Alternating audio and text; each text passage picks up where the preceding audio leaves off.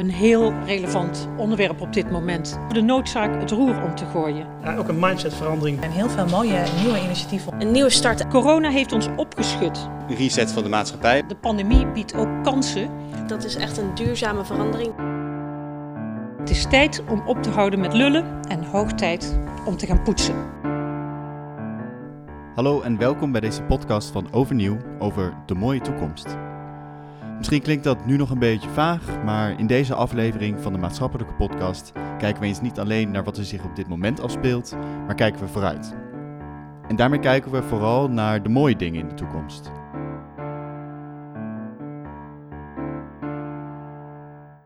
Hoe ziet een toekomst eruit waarin we allemaal gelijke kansen hebben, waarin we de aarde niet meer verwaarlozen en waarin iedereen kan zijn die hij, zij of hen graag wil zijn? Wat moet er allemaal gedaan worden om dit te bereiken? En ook niet onbelangrijk, om te voorkomen dat we blijven hangen in het ja, de overheid dit en de mensheid moet dat, is het belangrijk te kijken naar wat wij als individuen kunnen doen om deze mooie toekomst te verwezenlijken.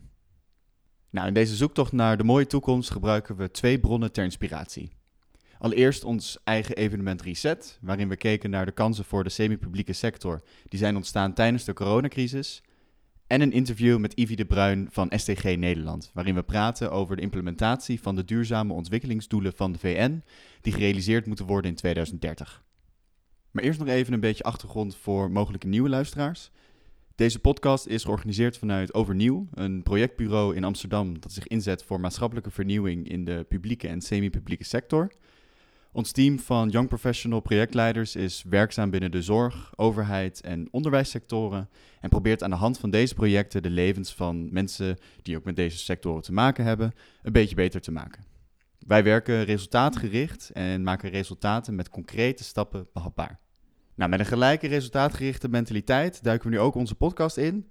En ik doe dit met niemand minder dan ons nieuwste talent, de up-and-coming talkshow host van Overnieuw, Margot Kuipers.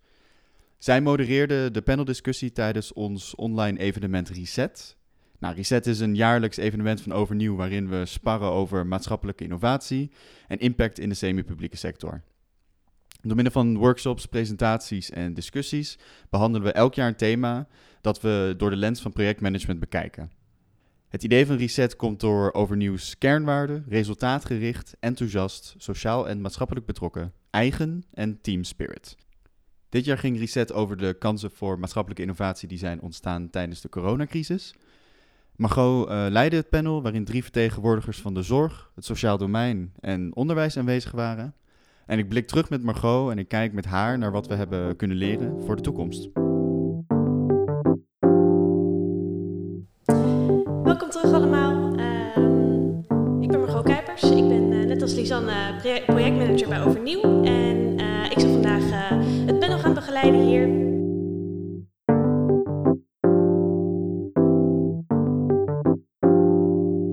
Nou, Margot, bedankt dat je even met mij wilde praten over Reset nogmaals. Yes.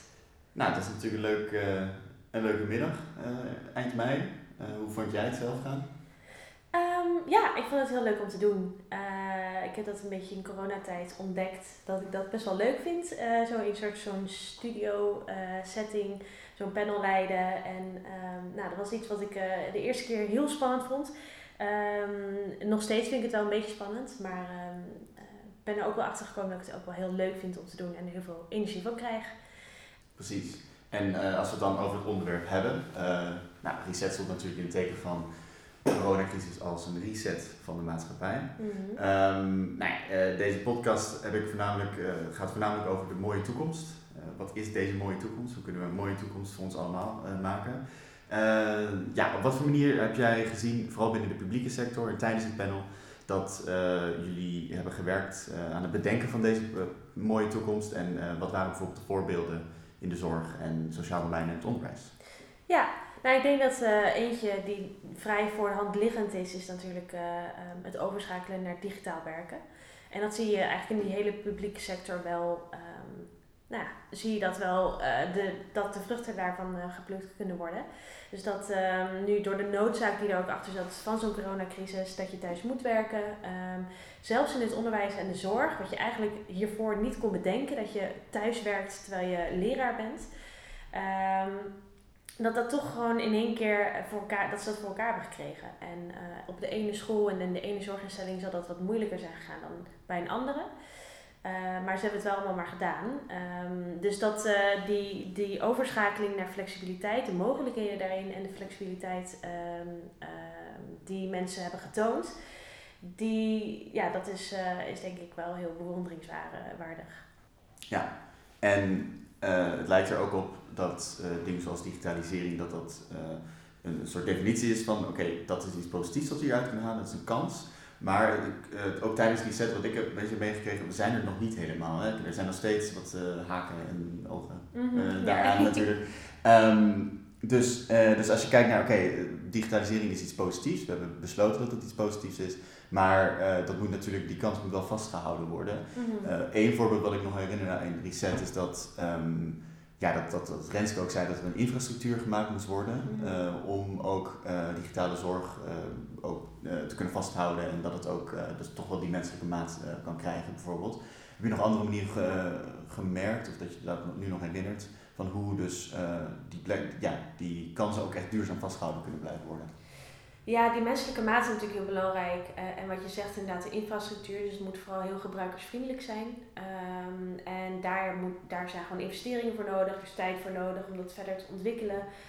Um, dus ja, dat, dat werd ook wel aangegeven. Van dat, daar ligt ook een stukje uh, in de budgetten natuurlijk bij uh, de overheid eigenlijk. Die daarin moet faciliteren. En nou, dat komt eigenlijk wel heel mooi overeen weer met hoe Piet Spangers, een deelnemer vanuit de gemeente uh, daarin stond dat hij ook aangaf van je ziet zoveel dingen opbloeien nu, je ziet zoveel initiatieven, mensen ondernemen zelf dingen, uh, mensen maken zelf stappen om zich aan te passen. Um, dus als gemeente kan je het beste een hele faciliterende rol daarin uh, hebben, wat je natuurlijk sowieso moet hebben. Um, maar daarbij wordt er heel, heel kritisch gekeken naar um, ja, een beetje de bureaucratische, stroperige processen. Dus dat vond ik wel heel mooi dat dat elkaar ook heel erg uh, op elkaar aansloot in die uh, paneldiscussie.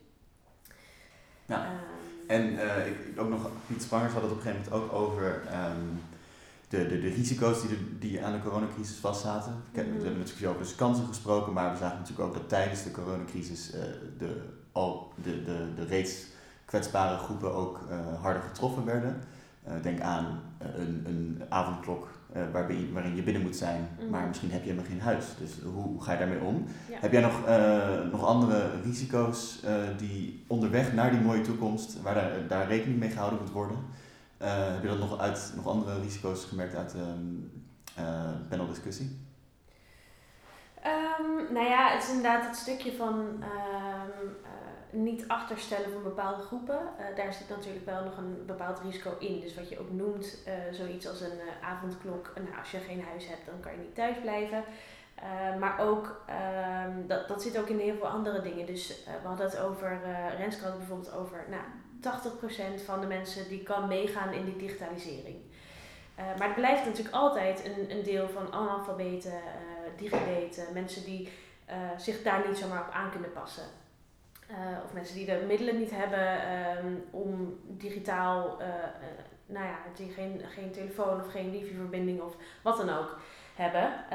Um, dus nou, ik denk dat, je, dat daar wel een risico in zit. dat we nu niet te snel willen gaan um, en dat je dus bepaalde groepen achterstelt zonder daar van tevoren in het proces al over na te denken van hoe neem je hun ook mee. Dus, dus een manier om ook misschien die duurzaam uh, die mooie toekomst te kunnen verwezenlijken, is op mhm. zijn, in zijn projectmatige taal een goede risicoanalyse ook in te stellen. Ja. En ook onderweg, hè, kijkend naar, denk aan digitalisering, er zijn een aantal mensen die mee, die mee kunnen.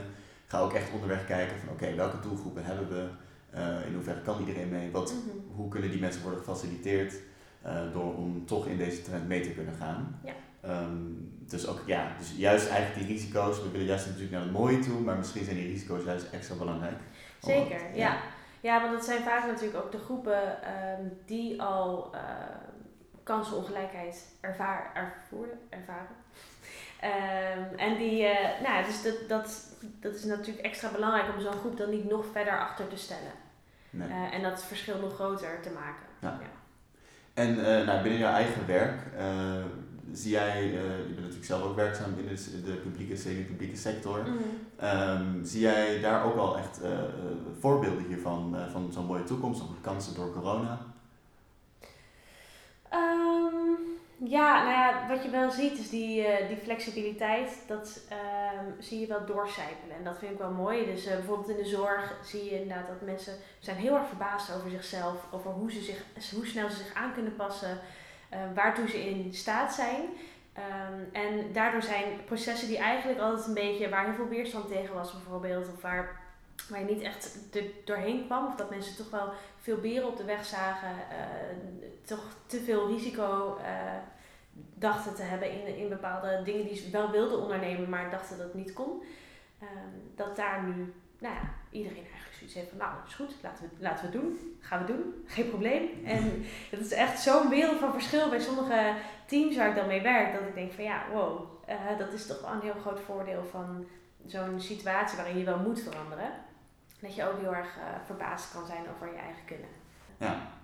Nou, in ieder geval bedankt ehm, voor, jouw, eh, ja, voor, je, voor je input en voor, ja, je, geen dank. ehm, voor, voor het terugblikken op Reset. En ehm, heel erg bedankt. Yes. De coronacrisis heeft dus eerst alles flink omgegooid, maar heeft iedereen ook geforceerd om snel te handelen. Waarin we eerst verzeild raakten in, in lange bureaucratische processen, eh, moesten we nu wel. En dat is dus de kracht van corona. En het is een goede opschudder geweest om eens na te denken over hoe we onze processen kunnen optimaliseren en hoe we kwetsbare groepen kunnen ondersteunen. Een goede eerste stap naar een mooie toekomst dus. Maar het blijft nog onduidelijk of we post-corona deze innovaties gaan blijven zien, of dat we toch weer terug naar het oude normaal gaan. Ik praat met Ivy de Bruyne over de SDG's, de duurzame ontwikkelingsdoelen van de VN. Nou, wat zijn deze ontwikkelingsdoelen? De SDG's zijn een gevarieerd aantal doelen op de ontwikkelingsagenda tot 2030, bestaand uit dingen als het tegengaan van honger, gendergelijkheid of een beter klimaat, maar ook vrede, eh, een eerlijke economie en nog veel meer. Het idee achter de SDG's is dat niemand achterblijft en dat iedereen in staat zou moeten zijn om te bouwen aan een betere toekomst. Het idee is ook dat eh, het behalen van deze doelen iets is voor de hele wereld en niet alleen ontstaat vanuit westerse landen. Nou, voor een uitgebreid overzicht van deze doelen staat er een link in de omschrijving van deze podcast. Nou, in deze wereld waarin we groot, ambitieus en in termen van utopieën durven te denken, zijn de SDG's dus goede indicatoren van hoe een universeel mooie toekomst, dus voor iedereen, eruit zou kunnen zien. Maar de vraag blijft, uh, wat moet er gebeuren om daar te komen? Nou, daarvoor praat ik met Ivy de Bruin, projectmanager Brede Beweging bij SDG Nederland. Ah, leuk. Ja, dank je dat ik hier kon zijn. Ja, heel welkom eh, hier Ja. in, het, eh, in het KIT. Het eerste SDG-house in Nederland. Joh, oh ja. SDG-house moet ik zeggen. Ja, het is inderdaad echt een eh, prachtige plek. Eh, ik zet even de namen aan. Nou, ten eerste, eh, hoi Ivy. Hoi. Eh, fijn dat je eh, tijd hebt, kunnen maken om eh, te kunnen praten over de SDG's. Ja, Ehm, superleuk, dank voor de uitnodiging. Ja, en geen dank. Jij bedankt voor, voor het meedoen inderdaad. Eh, nou, ik, eh, we maken vanuit Overnieuw een podcast over de mooie toekomst. Zo heet het, deze podcast. Eh, dus in plaats van nu alleen maar te gaan kijken van hoe ziet die mooie toekomst eruit. Dus eigenlijk door in plaats van alleen maar te dromen hoe het in de toekomst gaat zijn. kijken we eigenlijk ook een beetje naar hoe we daar kunnen komen. Nou, zoals we besproken hadden, misschien doen we eerst even een introductie van wat is SDG in Nederland nou echt. En ja, en dan daarbij kun je ook vermelden wat dus eh, het werk is dat jullie doen om te streven naar een duurzaam regeerakkoord. Eh, en ja, het werk dat jullie überhaupt verrichten. Ja, nou super eh, Wono, dankjewel. Eh leuk om hier te zijn. En eh, ja, mijn naam is dus Ivy de Bruin. Ik werk bij STG Nederland als projectmanager Brede Beweging. Ehm, maar ik doe eigenlijk nog veel meer dan dat. Wat wij allemaal doen, wij zijn in 2016 opgericht. Eh, eigenlijk in een soort samenwerkingsverband tussen eh, bedrijfsleven, onder andere DSM, eh, maar ook een denktank, de World Connectors, een sociale onderneming, True Price heet dat, echte prijzen. En die hebben een samenwerking gezocht met het ministerie van Buitenlandse Zaken, omdat de SDG's daar belegd zijn nog altijd. Eh, en die zijn eigenlijk samen SDG Nederland begonnen in 2016, dus een jaar nadat de SDG's ja, geboren waren, als opvolger van de Millenniumdoelen. Ehm, en dat netwerk is dus begonnen eigenlijk als professioneel netwerk, dus in het bedrijfsleven. Nou, dat groeide uit naar bijvoorbeeld onderwijsinstellingen, het hele HBO is mee gaan doen in een HBO-SDG-coalitie. nou, op een gegeven moment kwamen daar ook lokale overheden bij. Je hebt de gemeente voor Global Goals campagne. daar werken we heel nauw mee samen. Partos kwam daarbij, de, de brancheorganisatie voor ontwikkelingssamenwerking, dus NGO's. Ehm, maar ook jongeren, de Nationale Jeugdraad. En dat, daardoor ontstond een soort stuurgroep. Dus we hebben een stuurgroep met tien grote koepelorganisaties daarin. Ehm, en uh, later is er ook nog een uh, netwerk opgericht van allianties. Het zijn natuurlijk 17 hele grote doelen. Uh, hè, waar je niet zomaar even aan alle 17 tegelijk kan werken. Ja, Zo'n netwerk, ja, dat moet je echt opbouwen. Dus rondom iedere SDG is een alliantie gebouwd met een alliantiecoördinator. Dus wij zorgen echt ervoor dat we op zoek gaan uh, ja, naar mensen, naar netwerken die op die SDG veel kennis hebben. En ook zeker grensoverschrijdend kijken. Niet alleen grensoverschrijdend qua landen, dus buiten de landsgrenzen van Nederland, maar ook buiten hun eigen SDG-bubbel. Uh, want ja, als je aan klimaat werkt, dan werk je misschien aan nog wel veel meer SDG's dan alleen SDG 13 klimaatactie. En eigenlijk sinds twee jaar geleden, uh, dit is dus de professionele kant van ons netwerk. Sinds twee jaar geleden hebben we wat meer funding gekregen uh, als stichting en zijn we ook gaan uitbreiden, juist naar de burger toe. Want de burger is super belangrijk uh, om die SDG's te halen. Je kan niet alleen maar met overheid en bedrijfsleven uh, hieraan werken. Natuurlijk wel super belangrijk, ook cruciaal. Maar ook, we weten het allemaal, de consument, de burger, wij allemaal kunnen samenwerken om die SDG's te halen. Precies, oké. En dan als laatste ook over dit onderwerp nog even. Um, op wat voor manier dragen de SDG's nou echt bij aan een gelijkwaardige samenleving? Ja, dat, is, dat, nou, dat vind ik een hele mooie, uh, boeiende vraag. Want eigenlijk is dat de kern van de SDG's, is dat mhm. het, um, het staat voor Sustainable Development Goals, duurzame ontwikkelingsdoelen. Heel vaak denken mensen daarbij bij, bij duurzaamheid aan groen, groene doelen, de klimaatdoelen, biodiversiteit. Misschien af en toe wordt er gedacht aan water, of dat soort aan verwante thema's, valt er allemaal onder de SDG's, maar juist ook die, die gelijkwaardige samenleving uh, zonder racisme, waar iedereen mee kan komen, waar iedereen gelijke kansen heeft, uh, bijvoorbeeld al te beginnen bij het onderwijs, uh, waar niemand in armoede hoeft op te groeien, waar kinderen mee kunnen met, met ieder schoolreisje waar ze op mee willen. Ja, dat is natuurlijk nou, misschien wel net zo belangrijk. Ik vind het ook niet eens zo eh, de discussie over welke doelen nou belangrijker zijn dan andere is, is vaak niet eens zo relevant. Ze zijn allemaal net zo belangrijk. Natuurlijk moet je soms focussen. Hè? Een bedrijf die maakt ook keuzes van oké, waar willen wij dit jaar op focussen? Uh, dat doen overheden misschien ook. Dat mag. Uh, en we, we hebben ook rapportages in Nederland over hoe we ervoor staan. Dat doet het CBS allemaal, de Monitor Brede Welvaart en SDG's. Komt ieder jaar in mei uit. Dus je kan echt wel kijken, wij doen het bijvoorbeeld niet zo goed op gendergelijkheid in Nederland.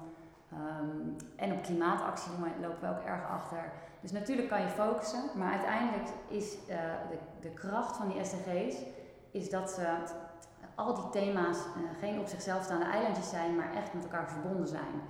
Uiteraard, ja. Want je ziet natuurlijk ook net binnen uh, de, de, klimaatdiscussies dat klimaat ook niet iets is wat um, ehm, 100% neutraal is. Dat, dat treft natuurlijk ook vaak gemeenschappen van kleur of mensen uh, of la lagere inkomensgemeenschappen ja. juist harder dan mensen die uh, ja, toch wel warmer zijn. Ja.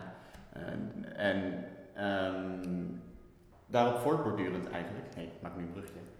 um, ja, wat, net als uh, het begin van de coronacrisis werd ook gedacht, de coronacrisis is iets neutraals. Hè? Dat is iets wat iedereen net zo hard treft. het gaat om besmetting van het lichaam. Um, en uiteindelijk hebben we gezien dat de coronacrisis natuurlijk bepaalde gemeenschappen ook harder heeft getroffen en ook die ongelijkwaardigheid eigenlijk heeft, uh, ja, verder heeft gebracht op, op dat vlak. Ja. Um, hoe zie jij dat uh, de huidige crisis, die nog steeds gaande is natuurlijk, um, ook ja, de risico's heeft veroorzaakt voor het behalen van de SDG's en de, de voortgang ervan? Ja, nou allereerst moet ik dan uh, meestal meteen aan het internationale aspect denken. -hmm. uh, natuurlijk is er ook binnen Nederland neemt ongelijkheid toe, maar zeker in ontwikkelingslanden zie je dat uh, juist de afgelopen jaren, eigenlijk al sinds de millenniumdoelen, is er een trend in gang gezet dat ex de meest extreme vormen van armoede juist aan het afnemen waren. Dus dat was heel positief. Maar sinds de coronacrisis zien we dat, dat, dat heel veel mensen in één klap terug worden geworpen in die extreme armoede. Nou ja, dan heb je het echt over overleven van minder dan een dollar per dag met je gezin. Dat is natuurlijk heel heftig. Uh, ja, het is ook niet gek. Er zijn grote sectoren zijn keihard geraakt. Denk aan toerisme, dat is vaak een enorme sector in, uh, in ontwikkelingslanden.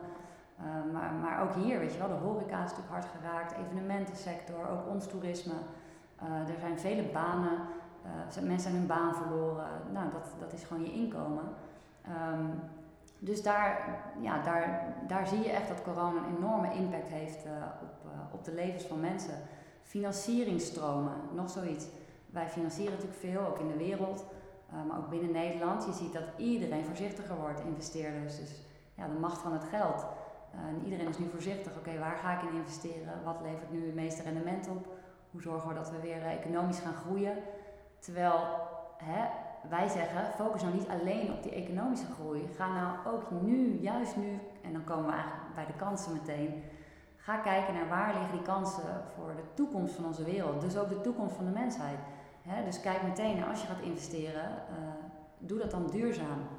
De Europese Unie is daar trouwens goed in, uh, of, tenminste goed, beter dan, uh, dan Nederland. Die hebben een corona-herstelfonds van, ik geloof, 700 miljard euro. Um, nou, alle Europese lidstaten mogen nu een plan indienen om, om, die, om recht te, te, te krijgen op een deel van dat fonds. Alle landen hebben dat nu gedaan, behalve Nederland.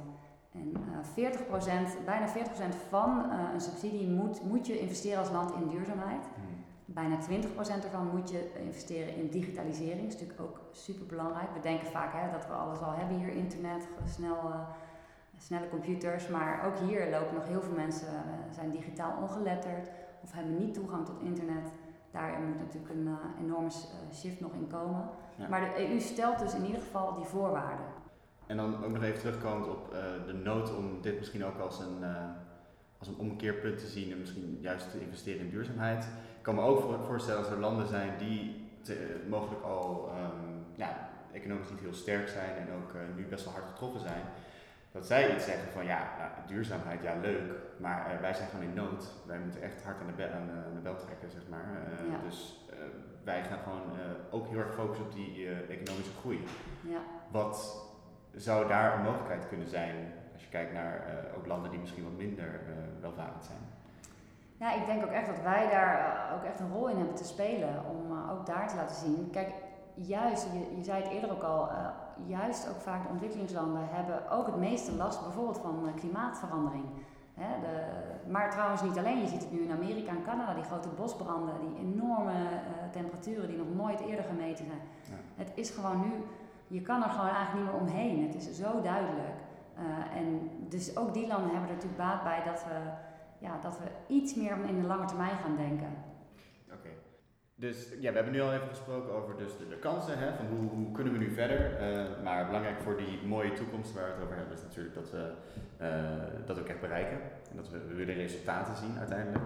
Uh, nou, je, gaf in het behalen van zo'n mooie toekomst gaf je het risico aan ook dat er een overheid is die nogal star is. Misschien is dat ook een bureaucratisch proces wat, waardoor het gewoon niet helemaal lekker loopt. Um, nou, zowel misschien, nou, we gaan zo meteen ook nog wel even over de rol van de overheid praten, maar um, ja, buiten die kansen die we gewoon nu zien, uh, op wat voor manier werken jullie eraan en, en op wat voor manier zouden we er nog meer aan kunnen werken om die kansen ook echt vast te houden en niet uh, hè, inderdaad over een aantal maanden te zitten van ja, we hebben nu uh, wat duurzaams ondertekend en we gaan hiervoor. En dan komt er weer, nou iedereen is dan even weer in zijn normale leven terug en uiteindelijk dan gaat het allemaal toch heel erg langzaam en et cetera. Dus op wat voor manier wordt daar, um, ja, kunnen we dat vasthouden? Ja, dat is natuurlijk een, uh, misschien wel een uh, kernvraag voor ons op dit moment. Mhm. Dat is ook niet zo makkelijk, maar ik denk als eerste samenwerken. Ja. We moeten veel meer nog dan we al doen, want er gebeurt natuurlijk al van, van alles in uh, samenwerkingsverbanden. Maar dat is vaak hè, project gestuurd. Als zodra de financiering stopt, stopt soms ook de samenwerking. Ik denk dat we echt over onze eigen, ja, noem het ego's heen moeten stappen om te kijken van waar werken we nou met z'n allen naartoe. Uh, en um, zoek daarbij de samenwerking op. Zoek daarbij ook partijen op die kunnen helpen, zoals wij als netwerkorganisatie. Wij kunnen zichtbaarheid geven, we kunnen mooie projecten ja, in het zonnetje zetten. Wij doen dus ook een stukje lobby richting uh, de overheid. We werken samen met bijna heel Nederland, hè? Van, van gemeentes tot onderwijs tot bedrijfsleven. Multinationals, de acht grootste multinationals van Nederland, die zitten ook in een uh, SDG-coalitie. De Dutch Sustainable Growth Coalition heet dat onder leiding van Jan-Peter Balkenende. Um, daar werken we mee samen, jongere burgers. Dus zoek ons ook op en kijk wat we samen kunnen doen. probeer buiten je gebaande paden te denken en, en dan hè, richt je, je richt je vaak op bepaalde thema's. Kijk ook eens daarbuiten. Wat kan ik, als ik hier aan werk, wat kan ik nog meer betekenen voor die andere SDG's? Maar um, ik kan me natuurlijk ook voorstellen dat uh, stel, ik werk in een middelgroot bedrijf. Hè. Wij houden ons bezig met klimaatgerelateerde dingen, misschien klimaattransitie of zo. Uh, en nou, het ging allemaal heel goed. En op een gegeven moment merk je inderdaad, er is, er is geen, geen, geen geld meer of zo. Dus onze progressie gaat verloren. Nou, ik ben een, een, heel erg, laten we zeggen dat ik een heel erg gemotiveerd individu ben. En ik zeg nee, dit kan echt niet gebeuren. Ik wil dat we hiermee doorgaan. Maar ik denk dat ik dan heel snel tegen een paal ga lopen en merk van, oh ja, nou, ik ben met andere mensen en het vergt een soort van gezamenlijke organisatorische motivatie met z'n allen, waarin we zeggen, oh, we gaan dit doen. Dus uh, als je zegt van stap op ons af en uh, kom, uh, help of gebruik onze dienst die wij bieden, um, heb je het dan over dat individu die dan heel gemotiveerd is, of heb je het over de grotere organisatie? Of, Eigenlijk allemaal. Eigenlijk is iedereen welkom. Um, uh, maar zeker ook uh, als individu ben je vaak onderdeel van een organisatie. Dus je mm werkt, wat je zegt, je werkt bijvoorbeeld binnen een organisatie. Uh, ik weet natuurlijk dat heel veel bedrijven hè, die willen aan SDG's werken, die willen aan duurzaamheid, maar tegelijkertijd als puntje bij paaltje komt, ja, is het nog wel lastig of gaat geld voor. Dat, dat, dat is allemaal begrijpelijk. Maar laat ik één ding zeggen, het begint bij koplopers. Mhm. Jij uh, bent de koploper, maar ook de luisteraar hier, denk ik, zijn allemaal stuk voor stuk koplopers. Misschien voelt het nog niet zo, maar dat zijn jullie echt. Alleen al door deze podcast te luisteren, ben je dus hierin geïnteresseerd. Laat je stem horen als koploper. Laat hem horen. En dat hoeft niet op een schreeuwige manier. Dat kan op allerlei manieren. Dat kan een mailtje zijn intern aan je leidinggevende en vervolgens aan de leidinggevende van je leidinggevende. Of aan de grote baas meteen.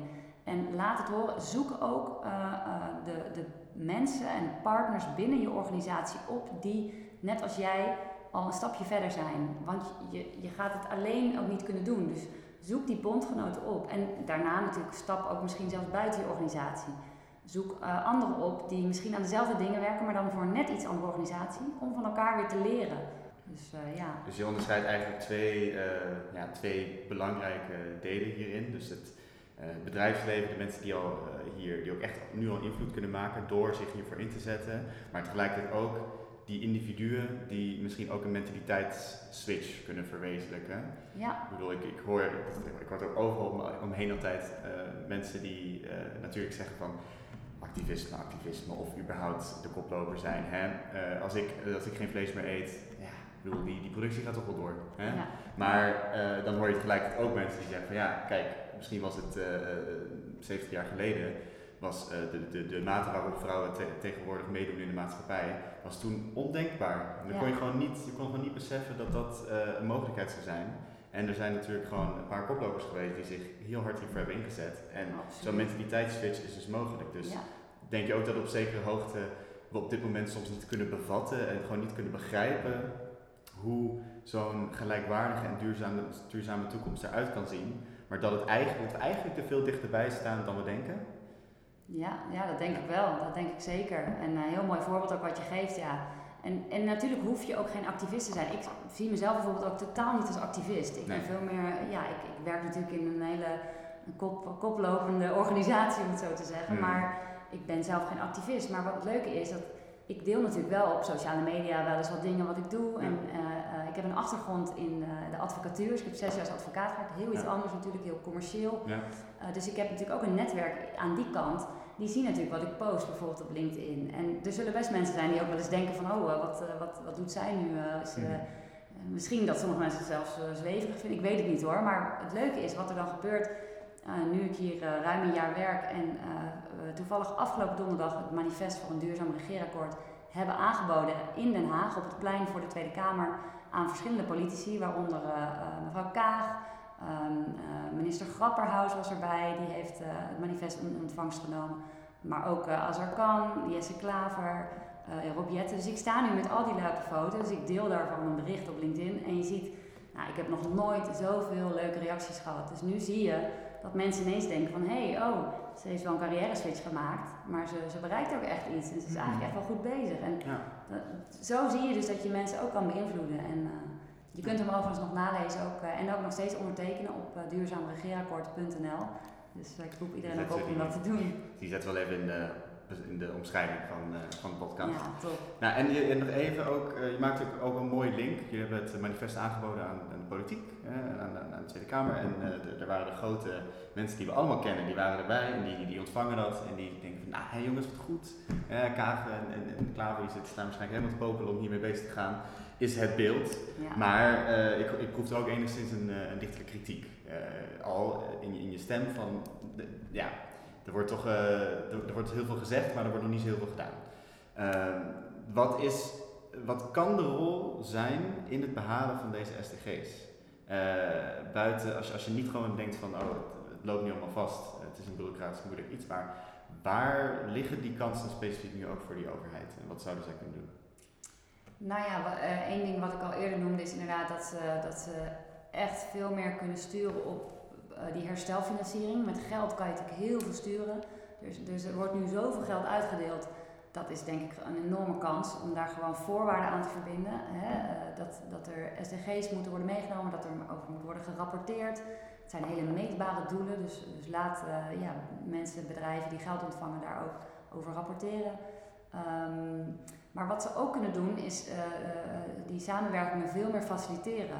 Dus um, alles wat wij zien, wat in de samenleving al gebeurt, hè, bij die burgernetwerken die zich verenigen, uh, ja, bij lokale kleinere stichtingen, zorgt dat daar veel betere infrastructuur voor komt. Ook daarin kunnen wij natuurlijk meehelpen, meedenken, uh, maar daar is gewoon geld nodig. Dat, het hoeft ook niet veel te zijn. Kleine bedragen kunnen, zo'n klein burgerinitiatief kan dat al een enorme boost geven, uh, waardoor er ja, van, van onderop, bottom-up, ineens al, al veel meer kan gebeuren. En ik denk dat de overheid dat ook nodig heeft omdat je je ziet de kritiek groeien, je ziet de polarisatie groeien. Uh, mensen willen veel meer betrokken worden. Ze voelen zich een beetje uh, ja, met de rug tegen de muur. Zorg nou dat je ze erbij betrekt. En daar kunnen organisaties zoals wij en ook ons hele, ons hele netwerk, alle partners, die kunnen daarin een enorme rol spelen.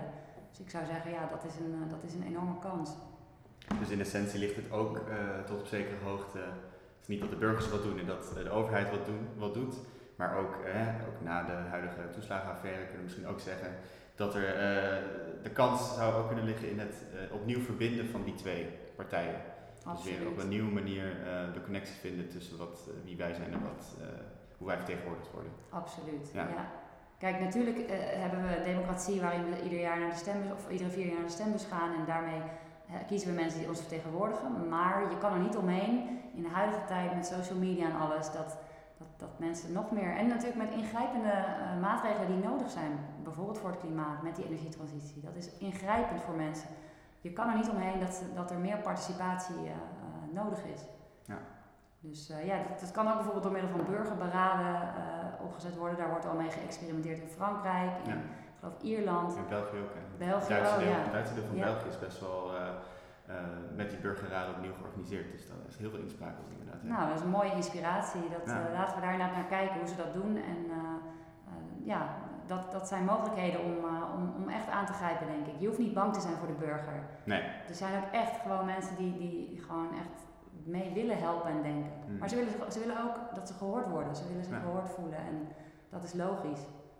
En eh, nou, zo'n burgerraad is dan ook wel een goed voorbeeld van iets best wel concreets, waardoor we, waar we op een, bottom-up niveau ook eh, eh, ja, de, connectie tussen burger en overheid weer kunnen vinden. Maar laten we dan nog even nog kleiner denken. We zijn, kijk, in plaats van de burger kijken we nu echt even naar het individu. Ehm, ik wil nog even een quote van, van Simone tijdens ons evenement erbij halen. En die zei, ehm, we zitten niet in een tijdperk van verandering, maar in een verandering van tijdperk. Eh, en daaraan voegden ze toe dat dus eh, ook vooral eh, onder veel mensen sowieso een verandering van mindset is, maar en ook onder veel jonge mensen die zich op zowel vrijwillig als professioneel niveau ook willen inzetten om iets groters en beters te kunnen bereiken en dan bij te dragen.